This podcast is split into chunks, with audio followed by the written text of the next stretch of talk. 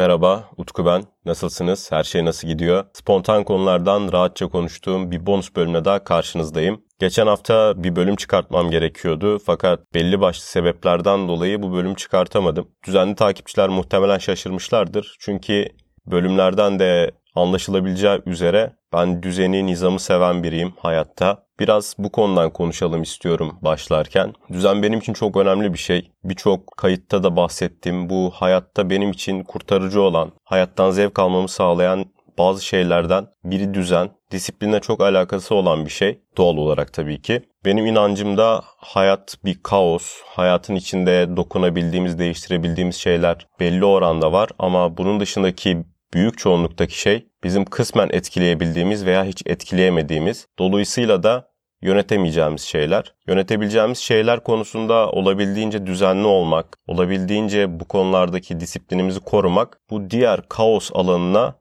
karşı bizi rahatlatıyor gibi geliyor bana. Hani şöyle bir metaforla bunu anlatabilirim. Bizim hayatımız bir gemi ise ve biz o okyanusun ortasındaysak, sağa sola savruluyorsak bizim bir çıpamız olmalı ki sabit bir noktada en azından olabildiği kadar sabit bir noktada kalabilmeliyiz. Böylece sarılabileceğimiz, güvenebileceğimiz bazı şeyler olur ve kendimizi daha güvende, daha huzurlu hissedebiliriz. Yani bu benim düşüncem. Ama bunu söylerken de hayatımdaki birçok düzenin alaşağı olduğu bir dönemdeyim. Bu da hayatın içinde bana kalırsa çok ama çok normal bir şey. Çünkü bahsettiğim metafordaki o okyanus bazen çok dalgalı olabiliyor. Çok düzenli bir şekilde örneğin spor yapıyordum. Spor salonları kapandı. Evde yapamıyorum. Yaptığım bana yetmiyor veya işte moralimi bozuyor gerçekten evde spor yapmak. Hoşlanmıyorum çünkü bana uygun bir şey değil. İnternlüğün son aylarındayım. Fakat geriye dönüp baktığımda bizim stajlarımız birkaç aylık olduğu için en fazla sürekli böyle bir düzen kuruyorsunuz, bir yerin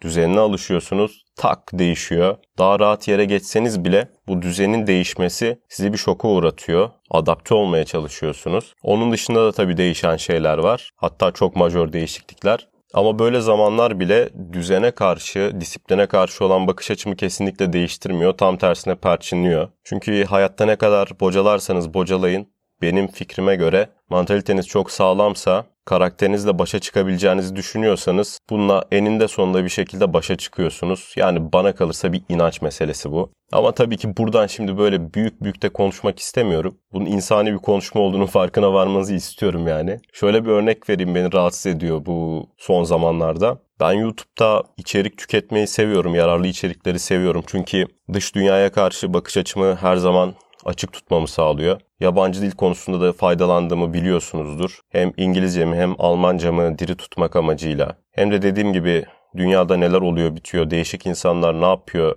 bunları anlamak amacıyla YouTube'u çok sık kullanıyorum ve boş kullanmamaya da çalışıyorum. Özen gösteriyorum yani. Her neyse konuyu bağlayayım. En çok tükettiğim içeriklerden bir tanesi fitness içerikleri. Sporların her türlüsünü sevdiğim için izliyorum bir sürü sporu.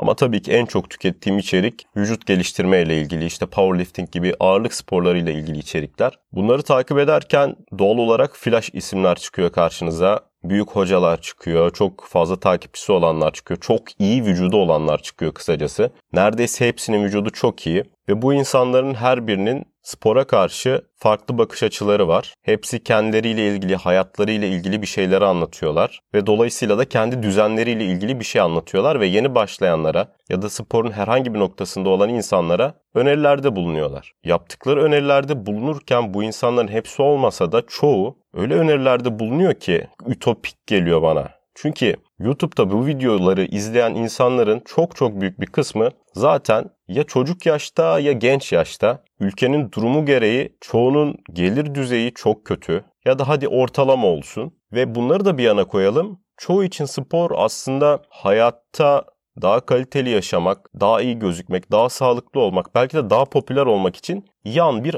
araç, amaç değil yani spor. Ama bu çocukların, bu izleyicilerin, bu önerileri aldıkları insanlar dediğim gibi çoğunlukla bu işi profesyonel olarak yapan ya da bu işin reklamından, sponsorluğundan iyi paralar kazanan, kısacası ana gayeleri sporun kendisi olan, sporu bir araç değil artık amaç olarak gören insanlardan öğüt alıyorlar. Burada bir kopukluk oluyor işte. Bu insanların anlattığı düzenler, tavsiye ettikleri ürünler, yaşam tarzı bu izleyicilere ne kadar ulaşabilir ki? Çok ütopik bir şeyden bahsediyorlar çünkü. Ve hayatta tek bir düzen yok. Her şeye aynı birebir bakış açısıyla dalmak gerçekten çok rigid, çok kalas bir duruş. Bu örneği de bundan verdim. Sizin hayatınızda bir spor hayatı olabilir, bir sosyal hayatınız olabilir. Bunun dışında bir akademik hayatınız olabilir. Kısacası bir sürü açıdan hayata yaklaşıyor olabilirsiniz ve ekstrem bir durum veya zamanda değilseniz genel olarak ilgilerinizi bölmeniz gerekiyor ve bazı noktalarda da zaman zaman bocalıyorsunuz. Bocalamak da bana kalırsa güzel bir şey. Pozitif bir açıdan belki de bocaladığım bir zamandayım şu an.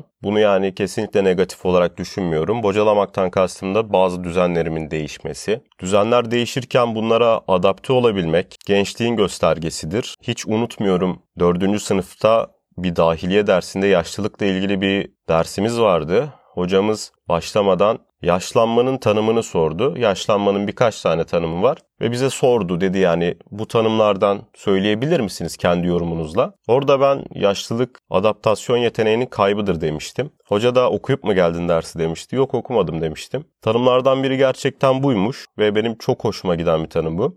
Eğer yaşlılığın tanımı buysa gençliğin tanımı da o zaman adaptasyon yeteneğini sürdürebilmektir.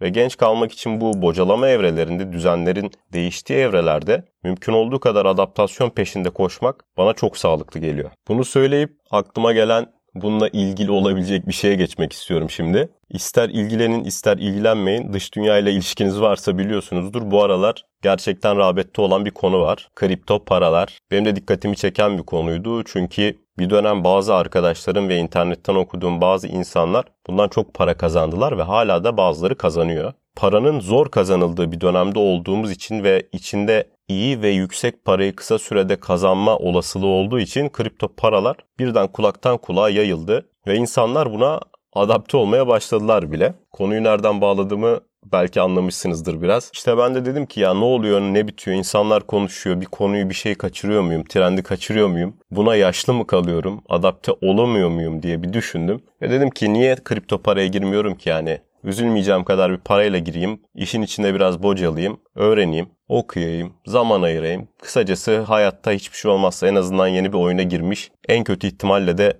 eğlenmiş olurum diye düşündüm. Ve bu işin içine girdim ben de. Şu an tabii ki bu iş için çok çaylak sayılacak bir konumdayım. Hala nasıl oynandığını, bazı işlemlerin nasıl yapıldığını çözmeye veya tam anlamıyla anlamaya çalışıyorum. Bunu anlamaya çalışırken de emek veriyorum, bir şeyler okuyorum. Ama karşıma çok değişik şeyler çıktı bunda. Bu işin içinde bile bambaşka dünyalar varmış her şeydeki gibi. Benim ilgimi, dikkatimi en çok çeken şeylerden bir tanesi bu işin fenomenlerin olması oldu. Kripto parayla ilgili yazı yazan, özellikle tweet atan böyle bir fenomen sınıfı var. Az buzda takipçileri yok. Bazılarının 100 bin, 300, 400 bin takipçisi var. Ve örneğin diyorlar ki şu coin'i alın, şu kadar tutun. Hop millet direkt alıyor. Doğrudan yatırımını yapıyor ve o coin'e bakıyorsunuz. Adam o tweet'i attıktan sonra 10-15 dakika içerisinde pump oluyor. Pump'ın anlamı da şu. İnsanlar paralarını öyle bir veriyorlar ki oraya anlık olarak beklenmeyen bir şişme oluyor.